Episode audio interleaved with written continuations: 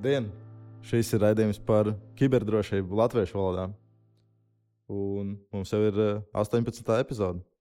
Šis projekts tiek veidots eh, kopā ar portālu par drošību LV un sadarbībā ar biznesa augstskolu Turība, kas mums ir nodrošinājusi šīs jaukās telpas un šo tehniku. Tagad paldies viņiem! Nu, ķersimies klāt ziņām. Tātad pirmā ziņa mums ir par uh, simfoniju PHP frameworku. Tur bija atrasta ievainojamība, kas uh, pieļauj cache poisoningu.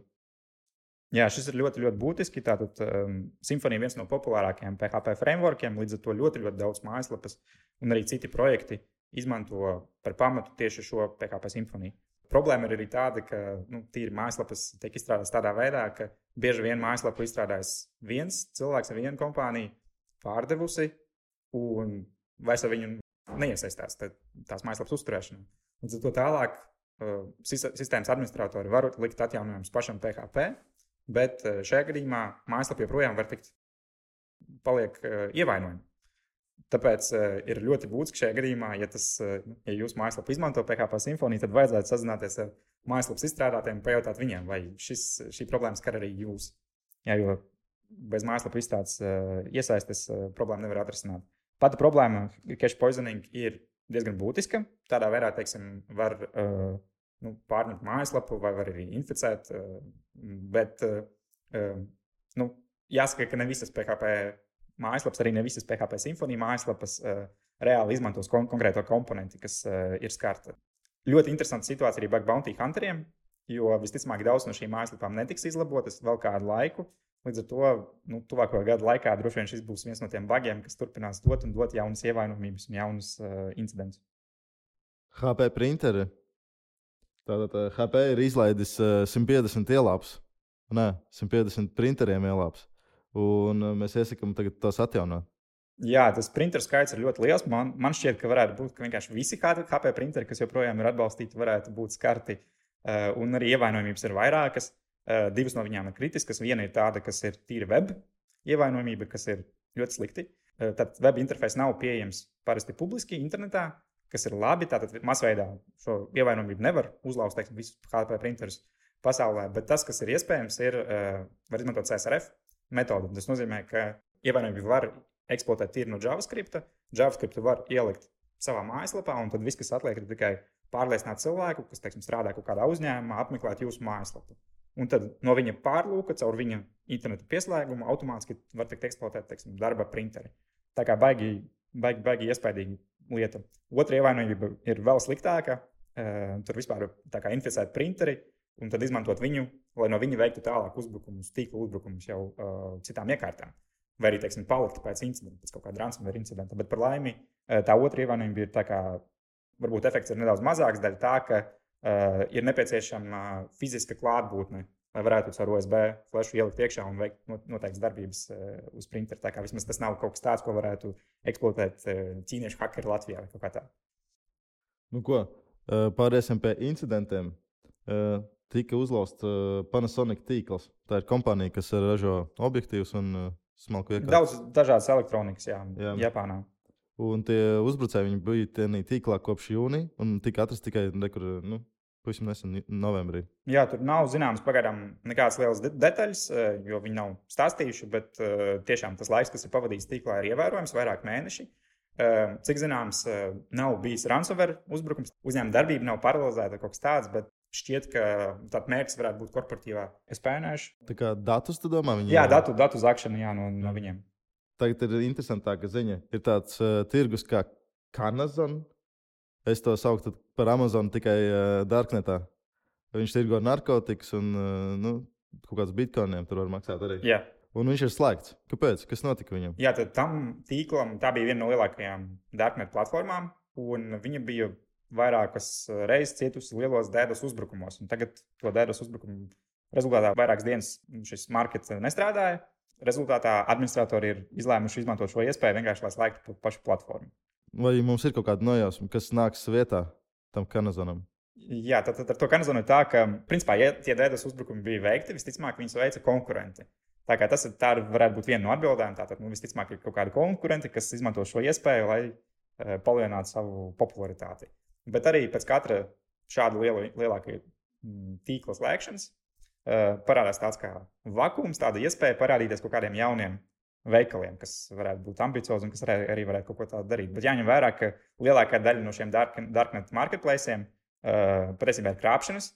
Un, uh, mēs jau iepriekš stāstījām par to, ka šobrīd ir liels vilnis ar uh, nu, tendenci tāda veikt phishing uzbrukumus, kas tieši vērsta pret, uh, vai citas krāpniecības tieši pret krāpniekiem.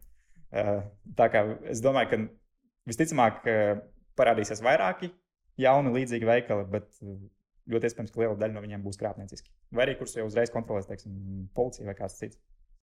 Nākamais incidents ir noticis Colorado enerģijas kompānijā ar nosaukumu DMEA.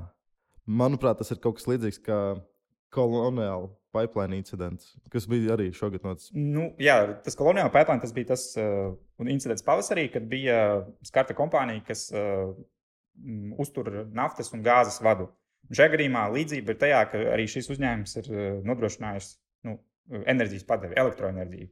Šajā gadījumā. Par laimi šoreiz eh, tieši elektrības padeve nebija pārtraukta.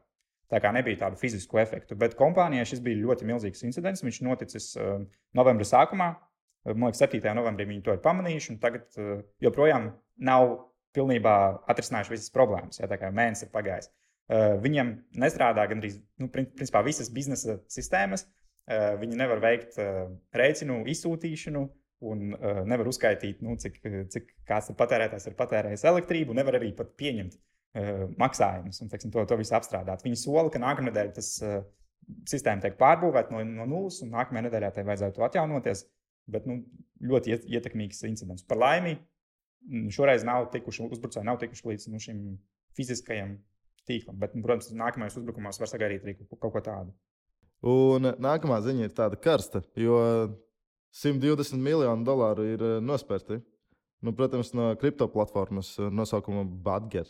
Badger. Badger.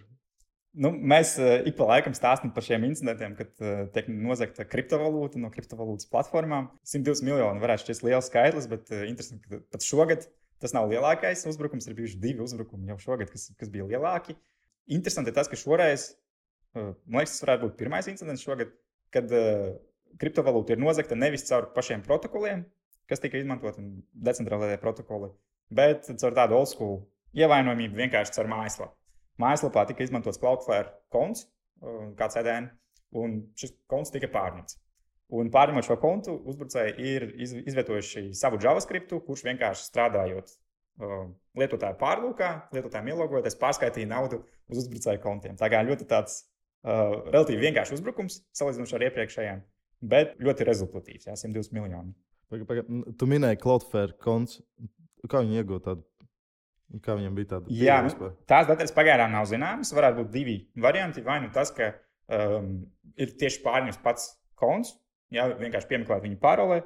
Uh, iespējams, phishing uzbrukumā tādu lietotāju pārliecināja ievadīt paroli. Ies, uh, uzņēmums saka, ka viņi izmanto multifaktoru autentifikāciju, kas uh, kas īsti nepasaka, kāda veida multifaktoru autentifikācija, jo liela daļa arī multifaktoru autentifikācija ir tāda, kura ir fišojama. Tātad tur ir kaut kāds kods, kas varbūt viņš mainās katru minūti, viņš jā, jāieraksta cilvēkam pašam no telefona, bet, ja cilvēks ir pārliecināts, ka viņš atrodas īstajā mājaslapā, un patiesībā viņš neatrodas īstajā mājaslapā, tad viņš ievadīs to kodu krāpniekiem, un krāpnieki viņu izmantos lielākoties mājaslapā. Tā kā, uh, tas būtu viens variants, ja, ka teiksim, šādā veidā kāds darbinieks ir cietis phishing uzbrukumā. Un otrs variants varētu būt tas, ka uh, vienkārši ir inficēts bijis uh, darbinieka dators, un no darbinieka datora ir nozagts uh, tieši no izstrādātāja jau API atslēga no Cloudflare, un API atslēga nu, pēc būtības ir tāda, kas tiek izmantota automatizācijā.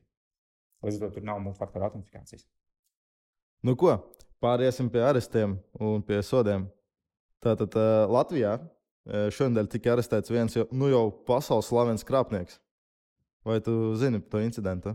Jā, nu tur uh, arī video ir pieejams internetā, un uh, par to rakstījuši vairāk latviešu mediju. Cilvēku ar, ir arestējuši uh, pēc ASV prasības. Cik es saprotu, viņš ir veicis tos savus uz, uzbrukumus un piedalījies tajās krāpnieciskajās mahinācijās jau vairākus gadus, bet kāds bieži vien notiek, nu, kamēr tiesības sargājušie nu, dienesti tiek galā, nu, paiet kāds laiks.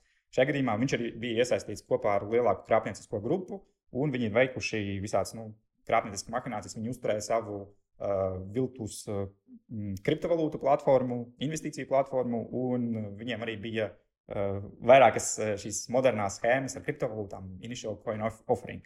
Tad viņi taisīja jaunus bitkoinu paveidus, mēģināja viņus pārdot, un patiesībā tur nekas nebija. Vienkārši paņēma naudu un aiztinās. Ir rakstā, tev netā bija minēts pat vārds uzvārds - Ivars Auziņš.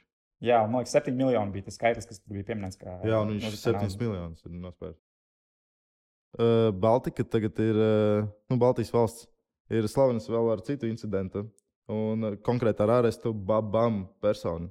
Jā, tu zini, tas ir arī Lietuvietis. Tur vēl nav noticis arests, bet varētu notikt arests nākotnē. Tā kā kaut kas tāds, ko varētu pa papētīt. Tātad ir tāds uh, pazīstams uh, pētnieks, Brians Kreps. Viņš dara visādas lietas, interesantas. Viņam ir savs bloks. Uh, un uh, viena no lietām, par ko viņš ir slavens, ir tas, ka viņam patīk doksot uh, visādus noziedzniekus. Viņš paņem kādu personību internetā, grupu cilvēku, šajā gadījumā vienkārši individuāls cilvēks kas jau kādu laiku ir darbojies uh, pagrīdē un kuram ir kaut kāda jau nu, sava identitāte. Un tad viņš mēģina atklāt viņa īsto identitāti, sa sasaistot teiksim, e-pasta kontu, kas ir lietots, lieto, lietotāju vārdu, jā, username, kas tiek lietots, nu, valodas kaut kādas detaļas, ko viņš ir pieminējis par sevi un tā tālāk. Un bieži vien tas, kas notiek, teiksim, šajā gadījumā, tas cilvēks ir darbojies vairākus gadus pagrīdē, un šobrīd viņam tas niknējums ir babam, kā viņš sevi um, nu, parāda. Bet uh, kamēr tā, tajā laikā, kamēr viņš ir būvējis savu karjeru, un kamēr viņš ir īpaši nu, iepriekšējos gados, kad, kad viņš varbūt bijis, bijis mazāk piesardzīgs vai pieļāvis kaut kādas kļūdas, tad uh, tā kā viņam tā identitāte nav mainījusies, tad to var sasaistīt visu vienā tādā virknē, tādā interesantā grafā. Tas arī tur tajā blogā ir redzams. Un uh, līdz ar to tur sanāk šajā gadījumā, ka uh, sākot savu karjeru, cilvēks izmantos vairākus pseidonīmus, bet tie visi bija ar lietuviešu vārdiem, Un, uh, tur ir arī, iespējams, daži no tiem pseidonīmiem nav pseidonīmi, varbūt kāds ir arī īstais vārds uzvārds. Tā kā es domāju, Lietuvas policija ļoti par to ieinteresēsies. Pats cilvēks, kas šobrīd runā krievu valodā, raksta, bet ar gramatiskām kļūdām. Nu, tādā vairāk var pateikt, ka tas nav Google Translate, bet tas ir vienkārši cilvēks, kas zina krievu valodu, bet nu, varbūt nekā savu pamatvalodu. Tā kā ļoti interesants uh, pētījums, un šajā gadījumā varbūt, nu, varbūt redzēsim arī rezultātu. Varbūt cilvēku atradīs un arestēs. Bet man liekas, ļoti interesanti arī vienkārši papētīt tieši to, jo nevienmēr šī informācija ir publiska. Ja, kad tāds pētījums, nu, tādu, ar tādām lietām nodarbojas policija, tad viņi, protams, nepasaka visas tās detaļas, kādā veidā viņi nonākuši pie rezultāta. Bet šajā gadījumā viss ir publiski redzams. Tā kā Brian Trepsā blogā var palasīt. Vēl uh, Baltijas valsts iedzīvotāji ir iesaistīti incidentā ar uh, sakarā ar bulletproof uh, hostingu, jo tur bija iesaistīti gan lietuvieši, gan igauni, gan krievi. Un uh, konkrēti bija pat uh, notiesāts viens cilvēks. Man liekas, tur jau vairāk cilvēku notiesāti, bet uh, šodien bija notiesāts tas, kas bija no Krievijas. Jā, bet, jā interesants incidents, jo um, es nezinu visas detaļas, bet, bet jā, divi no cilvēkiem ir no Baltijas valstīm. Tā kā kaut kur tā mums netālu. Šie, šie bija cilvēki, kas uzturēja tātad, uh, serverus specifiski priekš uh, noziedzniekiem. Viņa gadījumā tas bija priekš uh, malvāra infrastruktūras, priekš uh, saimnieku serverī priekš dažādiem botnetiem un bankiņu trojāniem. Nākamā ziņa atkal uh, skars mūsu latviešus, uh, konkrēti tos, kas strādā Ubiquity. Jo viņam bija janvārī kaut kāds uh, incidents, vai ne? Jā, nu, incidents. Nu, kaut kad pavasarī. Es zinu, ka Latvijas oficiālā arī tas incidents bija ļoti svarīgs. Patiesībā incidents pat tad Ubiquity mm, kaut kad gada sākumā bija paziņojuši par to, ka viņiem notiek datu, kāds ir, nozadz, kāds ir viņu uzlaucis viņu tīklu, jau, un nozadz viņu datus un prasa izpirkuma naudu par datu nepubliskošanu. Sākumā bija diezgan daudz visādas teorijas, iespējams, arī ransomware un tā tālāk. Un uh, patiesībā pat lielākais efekts, es domāju, pat nebūtu uz pašu kompāniju, uh, tā kā uz darbiniekiem, bet uz investoriem, jo kompānijas uh, akcijas bija nokritušās par 200% ļoti būtiski. Un izrādās, tā incidentā iesaistē bija iesaistīts cilvēks, kas bija veids to incidentu. Viņš bija darbinieks pašā Ubiquitī. Cik es sapratu, viņš pats bija, pat bija izmeklējis to incidentu. Jā, jā, un sanāk, ka tad, kad sāka izmeklēt to incidentu, jā, tad viņ, viņš bija viens no cilvēkiem, kas bija piesaistīts. Jā, tā kā, uh, bet uh, par laimi, uh, tātad FBI, kas arī bija iesaistīta ASV, viņi atklāja īsto cilvēku, jo šajā gadījumā viņš bija pieļāvis vairākas kļūdas. Uh, viņš bija uh, veicis, uh, pieslēdzies serveriem, dzēsis failus un tā tālāk, tā kā savas pēdas uh, caur VPN, bet VPN pakalpojums bija nopirkts ar viņa PayPal kontu personīgo.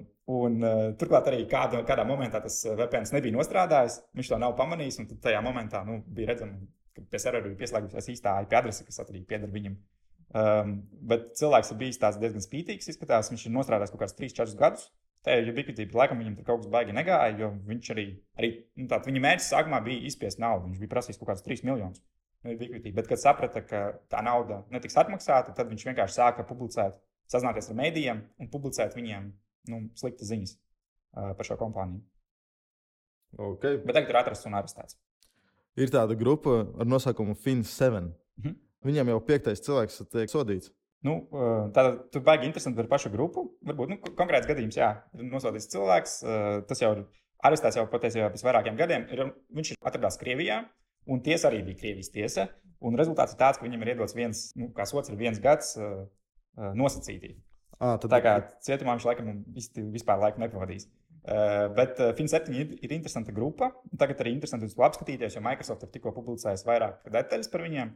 Vispār FIN7 bija zināma lai, ilgu laiku, un arī šie cilvēki bija nosodīti par viņu uzbrukumu, uzbrukumiem dažādiem ASV veikalu tīkliem.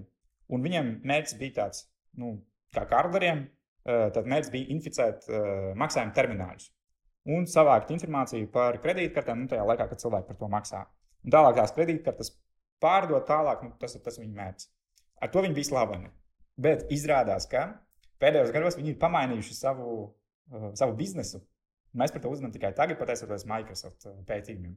Uh, izskatās, ka dažas no lielākajām ransomware as a service grupām, kas ir eksistējušas, Darkside un Black Matter, ka patiesībā tās ir nu, šī, tie, tie paši cilvēki no FinSeven, kas ir izmainījuši savu biznesa modeļu. Tā kā ļoti, ļoti interesanti patiesībā. Uh, es nebūtu gaidījis, uh, nu, nu, jā, tas ir kaut kas jauns. Interesanti, kā šie uzbrucēji, ja redzot kaut kādas jaunas biznesa iespējas, uh, atmet iepriekšējās jau tehnoloģijas, iepriekšējās iestrādātās metodas un vienkārši pāriet uz kaut ko citu. Flubot. Tas ir uh, tāds starpveidīgs uh, vīrus, kas tiek pārsūtīts uh, izmantojot uh, mobilās izziņas. Mm -hmm. Mēs iepriekš runājām par emotetu, uh, kas ir kas ir vairāk droši vien ziņās dzirdēts, jo emotet ir bijis Latvijā. Pagājušajā vasarā ļoti, ļoti iespaidīgi. Tad, tad pastaigājis un jau atkal ir atsācis savu darbību, un arī Latvijā jau ir redzēts. Uh, bet emotet ir zināms ar to, ka viņš izplatās caur e-pastiem. Tad, saņemot e-pastu, uzklikšķini uz pielikumu inficēt datoru, emotets uh, savāc kontaktus un nosūta viņiem no tava datora jaunus e-pastus. Uh, savukārt, Flubot ir tā kā, tā kā līdzīga uh, doma, bet tīri uz Android bāzes un darbojas caur SMS. Tad tajā gadījumā inficēja, inficētais telefons, savāc kontaktus, nosūta uz saimnieku serveri, izsūta vairāk par simtiem, simtiem nu, SMS dienā. To var pamanīt tādā veidā, ka jūs saņemat SMS neobligāti no saviem kontaktiem ar visdažādāko tekstu saistībā ar piegādēm, pastu un tā tālāk. Un tā, uzklikšķinot uz uh, linku, tātad tur būs uh, mājaslapa, kas mēģinās pārliecināt jūs pieinstalēt jaunu Android aplikāciju. Ja jūs, jūs esat iPhone lietotājs, tad SMS joprojām var saņemt. Tāpēc, ka varbūt jau nezinu, kā, kāds telefons jums ir. Bet, nu, tad, tad klikšķinot uz šo linku, nekas ar jums nenotiks, jo nu, uz iPhone tā, tādā veidā inficēt telefonu nesanāks. Par, to, par šī, šo kampaņu jau zināms vairāku, vairākus mēnešus. Par to ir publiskojušas ziņas Austrālija, Jaunzēlanda, Eiropā daudzas valstis, tepat pie mums Polija un Somija. Latvijā pagaidām nav redzēts. Bet tajās valstīs, kur tas tiek pamanīts, nu, par to uzzina gandrīz visi ļoti ātri. Ja, viņš izplatās tā kā sprādziens. Nu, es domāju, ka visi skatītāji kopā ar mani domā, bet Androidam pirms tu uzinstalē kaut ko, tev vēl desmit reizes ir jāklikšķinās, ka tu piekrīti, ka tu piekrīti, kā tu vari cilvēks nepamanīt to. Tieši tā, jā. Un arī, uh, ja tas nav no Android tā, tā App Store. Jā, jā, pēc noklusējuma uz Android telefoniem uh, var instalēt aplikācijas tikai caur iebūvēto nu, Google Play Store vai Samsung vai kaut, kaut ko citu klāvē. Bet uh, gluži tā no malas, ja no mājaslapas, teiksim, pieinstalēt īsti nesanāks, viņš tev prasīs nu, apstiprināt to vairākas reizes. Bet nianses ir, ka daudziem cilvēkiem, uh, tīpaši bērniem, varbūt pie, pusaudžiem, jau būs ieslēgta tā opcija pieinstalēt aplikācijas no malas, tāpēc ka viņi nu, droši vien ir instalējuši jau kaut kādas uh, spēles vai kaut, kaut ko tādu pirātiskas aplikācijas, nu, sazinu ko man arī šķiet diezgan jocīgi, ņemot vērā, cik sarežģīti tas ir to visu sakrišķināt, lai uzinstalētu aplikāciju un inficētu savu telefonu. Jā, cik, cik daudz iespējas ir cilvēkam apdomāties un to neizdarīt. Bet nu, tīra praksa rāda, ka daudzās valstīs šī ir ļoti, ļoti liela problēma un tiešām ļoti daudz cilvēku iekrīt uz to un inficē savus telefonus. Okay. Un pārēsim pie nākamās ziņas. Tas ir uh, tardigrade. Mēs esam izrunājuši iepriekšējā nedēļā, un mums bija doma, ka tas ir rīktīgi sarežģīts kaut kas izstrādāts. Beigās izrādījās, tas ir vienkārši un pat triviāls, tā var teikt. Nu, tad ar to tardigrade bija ļoti jocīga situācija. Joprojām man līdz galam nav skaidrs. Es pats neesmu pētījis tos sēkļus, bet ir no tā, ko raksta pētnieki, tad tur ir diezgan pretrunīga informācija. Oriģinālais pētījums, ko mēs pieminējām pagājušajā nedēļā, bija no akadēmiskās vidas, teiksim tā. Ja no cilvēkiem, kas, kas nodrošina IT drošību šajā vidē. Un tie vairāki tie darbinieki bija sasaistījušies kopā un uzrakstījuši pētījumu par to, ka viņi redz jaunu šo kampaņu, kas vairākās Eiropas valstīs notiek, un uzbrucēju līmenis ir ļoti, ļoti avansēts pēc viņu vārdiem. Bet tagad citi pētnieki, kas vairāk nodarbojas ar malvāru analīzi, tātad nu, varbūt vairāk profesionāļi šajā jomā, redz vairāk dažādas nu, ne, ne tikai vienā industrijā, bet vairāk, vairākās industrijās kopā tos threat actors un tā tālāk. Tad viņi tagad ir veikuši tā kā atkārtot pētījumu, iedziļinājušies. Un patiesībā izskatās, ka nav neviens publiski pieejams samples, tātad paraugs šai ļaunatūrai. Visi, visi publiskie paraugi, kuri tiek attribūtēti šim tardigrētam, patiesībā viņi ir jau zināmi uh, threat actori vai jau zināmas nu, ransomware grupas un tā tālāk. Teiksim, viens no uh, galvenajiem uh, aizdomās turamajiem ko iespējams šie pētnieki sākotnēji ir sajaukuši un uzskatījuši par tādu agrētu vienkārši kobaltu straiku, kas būs zināms, jo tas ir nu, eh, ļoti labs, ļoti profesionāls rīks, ko izmanto penetration testeros, ko var vienkārši komerciāli nopirkt. Kas arī ļoti pieejams pagrīdē. Tā kā nu, tāds diezgan interesants stāsts par to, kā iespējams sākotnēji pēti, pētnieki iespējams tomēr ir sajaukuši. Varbūt tomēr nav gluži tas, kas uh, sākumā bija stāstīts. Un nākamā ziņa mums ir par Toru. Un nevis tas Thor, kas ir Dievs vai eh, Marvel Heroes, bet uh, vispār kas tas ir izrunā. Tad runa ir par Thor anonimizācijas tīklu. Trīs burti - T-O-R. Uh, un šis ir ļoti plaši zināms anonimizācijas tīkls, un viņš strādā diezgan interesantā veidā. Tad, uh, funkcionalitātes ziņā ir līdzīgi VPN serverim. Pieslēdzoties viņam klāt, var sūtīt pieprasījumus mājaslapām, kaut kādām tās mājaslapas nezinās, kas ir nu, tas sākotnējs cilvēks, vai vismaz jūsu IP adrese nezinās. Um, tad var izmantot nu, tādai nosacītai anonimizācijai. Bet, uh, bet atšķirībā no VPN, kur VPN parasti ir viens serveris, šajā gadījumā te ir pilns ar serveriem, un no tiem serveriem vienmēr tiek izvēlēti trīs dažādi serveri, kas tiek izmantoti, lai paslēptu jūsu trafiku, nu, trafiku no jums līdz galamērķim, piemēram, Google vai Facebook. Un tagad uh, sanāk tā, ka uh, sākumā ir pirmais serveris. Pirmais serveris ir tas, uz kurieni jūs, jūsu trafiks slēdz klāt. Pirmais serveris redz jūsu IP adresi. Ja, to viņš zina. Bet viņš nezina, uz kurieni jūsu trafiks tiek sūtīts, vai kas tajā trafikā ir iekšā, kāds tur ir paroles. Nu, vispār neko neredz. Jā, viss ir šifrēts. Um, bet, bet redz jūsu IP adresi. Otrais serveris šajā tortu tīklā uh, būs tāds serveris, kas redzēs, neredzēs ne jūsu IP adresi, ne gala mērķa IP adrese, neredzēs neko, kas ir iekšā iekļauts. Viņš zinās tikai pirmā tor servera un trešā tor servera, tā kā pirmais un pēdējais, kur trafiks iegājis tor tīklā un no kurienes trafiks ir izgājis ārā. Tā, tā ir diezgan nu, maza informācija. Savukārt, pēdējais serveris, trešais serveris, viņš redzēs tikai, kur tas trafiks jau nu, atšifrēts, tiek sūtīts nu, gala rezultātā, teiksim, uz Google vai uz Facebook un tā tālāk. Bet trešais serveris nezina, kas ir nu, jūsu IP adrese. Trešais serveris nevar jūs atkal deanonimizēt, jo viņš nezina, kas ir tas īstais lietotājs, kas to gala mērķis ir izmantojis. Sanāk, ka šajā sistēmā, lai uzbrucējs, teiksim, ja viņš pat kontrolē kaut kādus atsevišķus šos serverus, to tīklā, tad ne, neviens konkrētā servera administrators nezina vienlaicīgi, kas komunicē ar ko komunicē. Labākajā gadījumā var zināt tikai vienu šo daļu, kas slēdz klāt torstu tīklam vai nu, uz kuriem dati tiek sūtīti, bet, bet nezinu vienlaicīgi to visu informāciju. Atšķirībā no VPN server, servera. VPN gadījumā viens un tas pats nu, īpašnieks, ja šim VPN serverim vienlaicīgi redz gan kas komunicē, gan ar ko komunicē. Tā kā abus galus tam trafikam. Tā kā Tor ir kā drošāk nekā VPN no šī viedokļa, un arī Tor ir bez maksas. Bet tā kā pretējā pusē, kāpēc viņš ir bez maksas, tāpēc, ka viņu uztur uh, brīvprātīgie cilvēki. Līdz ar to jebkurš var izveidot savu toru serveri. Vienkārši vajag paņemt serveri, kas ir novietots labā datu centrā, tas, nav, tas, tas maksā kaut kādu naudu. Bet, ja jūs vēlaties, tad jūs varat tur uzinstallēt mm, šo noteiktu programmatūru, un šis mm, serveris sāks darboties iekšā tīklā, caur viņu sāks iet trafiks. Nu tā, tā ir tā atšķirība starp Tor VPN Un tas ir tas, par ko, par ko šajā gadījumā iet runa. Bet kas tad ir tas pētījums? Vai es pareizi sapratu, ka uh, ir atrasta grupa, kas kontrolē tos serverus? Jā, bet diezgan interesanti. Tātad vispār uh, tas, ka Toru serverus kontrolē kaut kādi noziedznieki, tas nav jaunums. Jā, par to ir sen zināms, jo tas ir tāds, ja tu esi noziedznieks, ja tu vēlēsies redzēt cilvēku trafiku, ja, lai kaut ko ar viņu darītu, tad uh, VPN gadījumā sanāk, to, tas nav, nu, tev vajadzētu uzlauzt VPN mm, kompāniju, kas nodrošina tādu, tādu pakalpojumu. Vajadzētu savu kompāniju dibināt un gaidīt, kamēr cilvēks sāks ar viņu slēgties, un tad varētu kaut ko darīt ar viņu trafiku. Tor gadījumā tas ir relatīvi vienkārši. Vienkārši paņem serveri, uzinstalē, to nevajag ne reģistrēties, ne pierādīt, kas tu esi, nevajag dot nekādu vārdu, uzvārdu, nu, nekas nav jāmaksā un tā tālāk. Ja? Un cilvēki vienkārši paši slēdz ar tavu serveri. Tā kā, ja, tas, ja tavs mērķis ir vienkārši kā, būt starpā starp cilvēku un šiem resursiem, tas ir relatīvi vienkārši tur gadījumā. Tā ir tā pretējā pusē drošībai.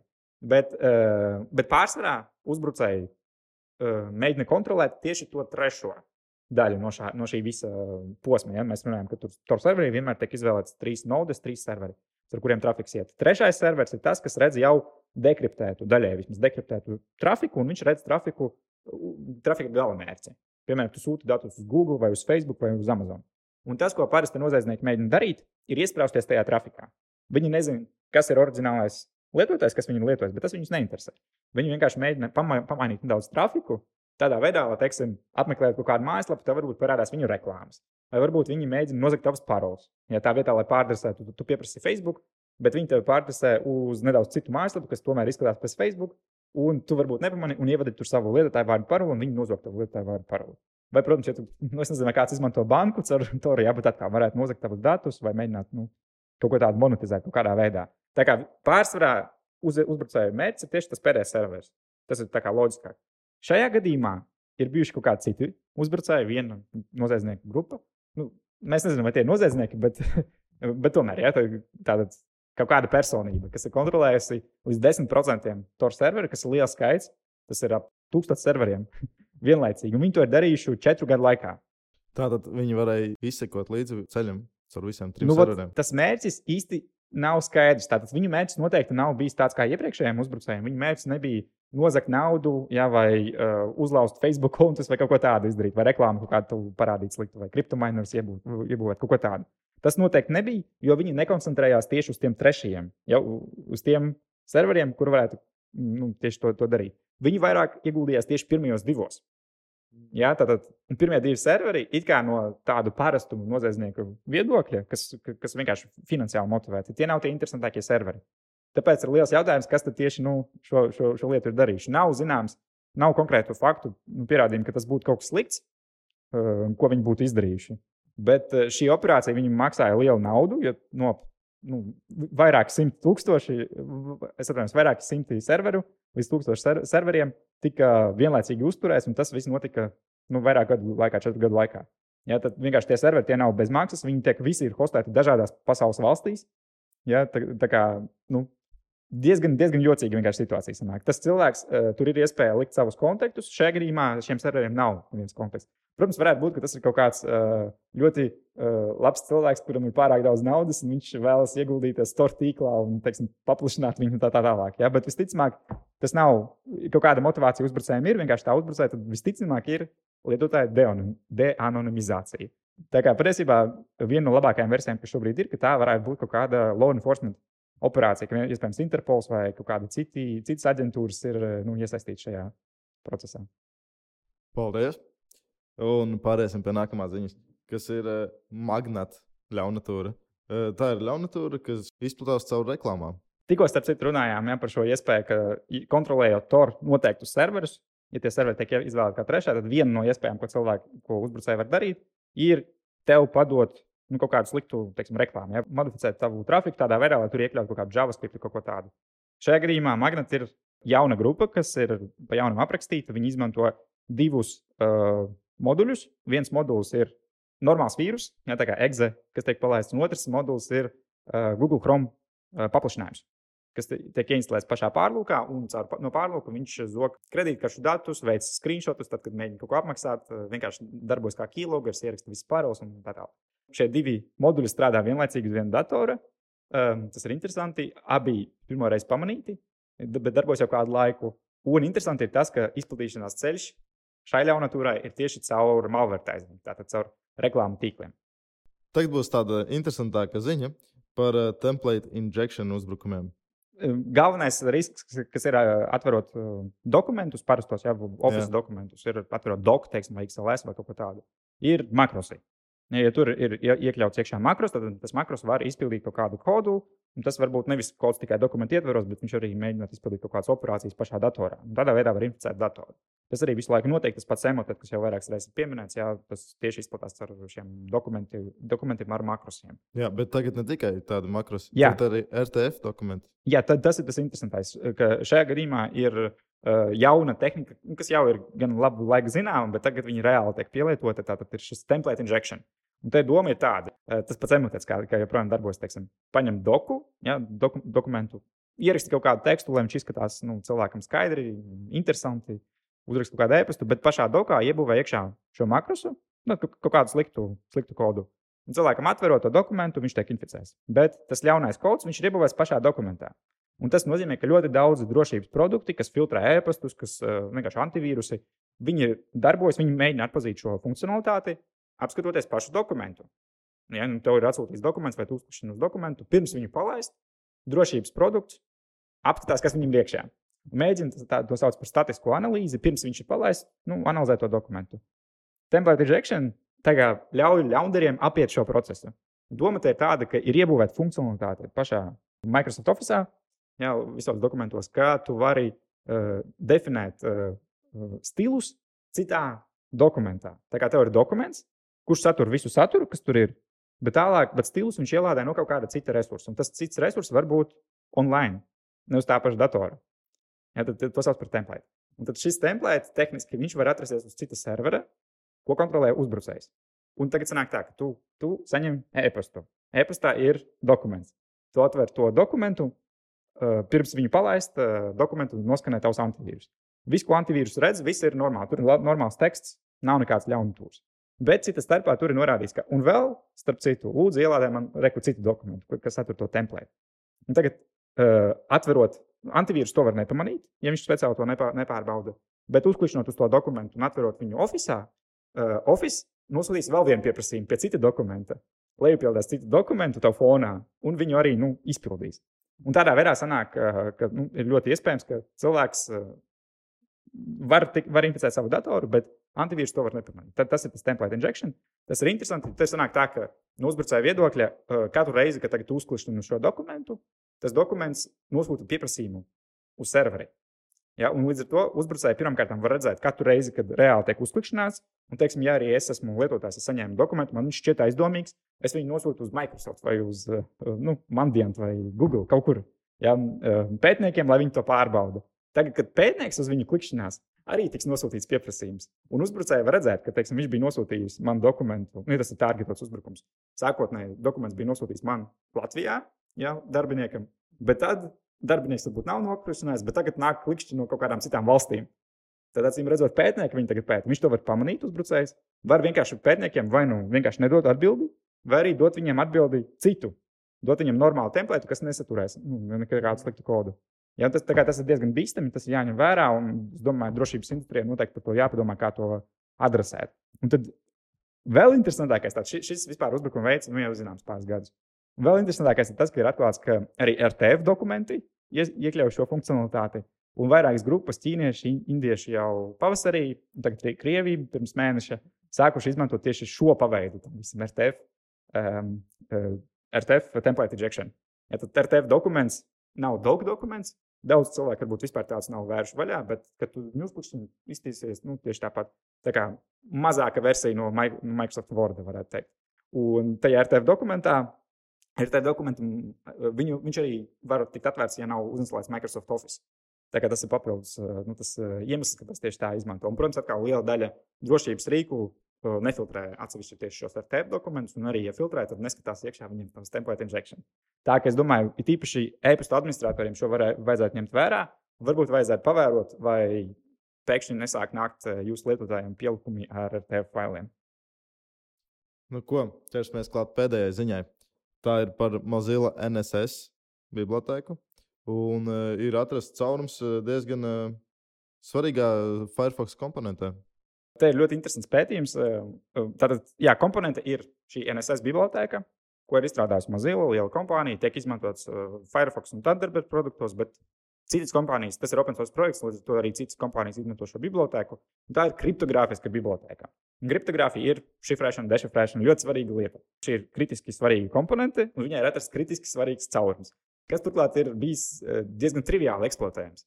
Ja, tad tur ir paraksts šajā šifrēšanas protokolā, Uh, un uh, validējot šo parakstu, vienkārši nolasot šo parakstu, ir tāda pieļauta kļūda, ja viņš ir garāks nekā viņam vajadzētu būt, tad notiek memory corruption. Tas, principā, ir overflow. Drošībā tas ir diezgan triviāls caurums, kuru relatīvi vienkārši eksploatēt, un kuram nevajadzētu būt pieļautam tik kritiskā komponentē. Bet uh, tā kā pētījums un raksts pat, pat nav tieši par to pašu eksploatāciju, tas ir pārāk vienkārši.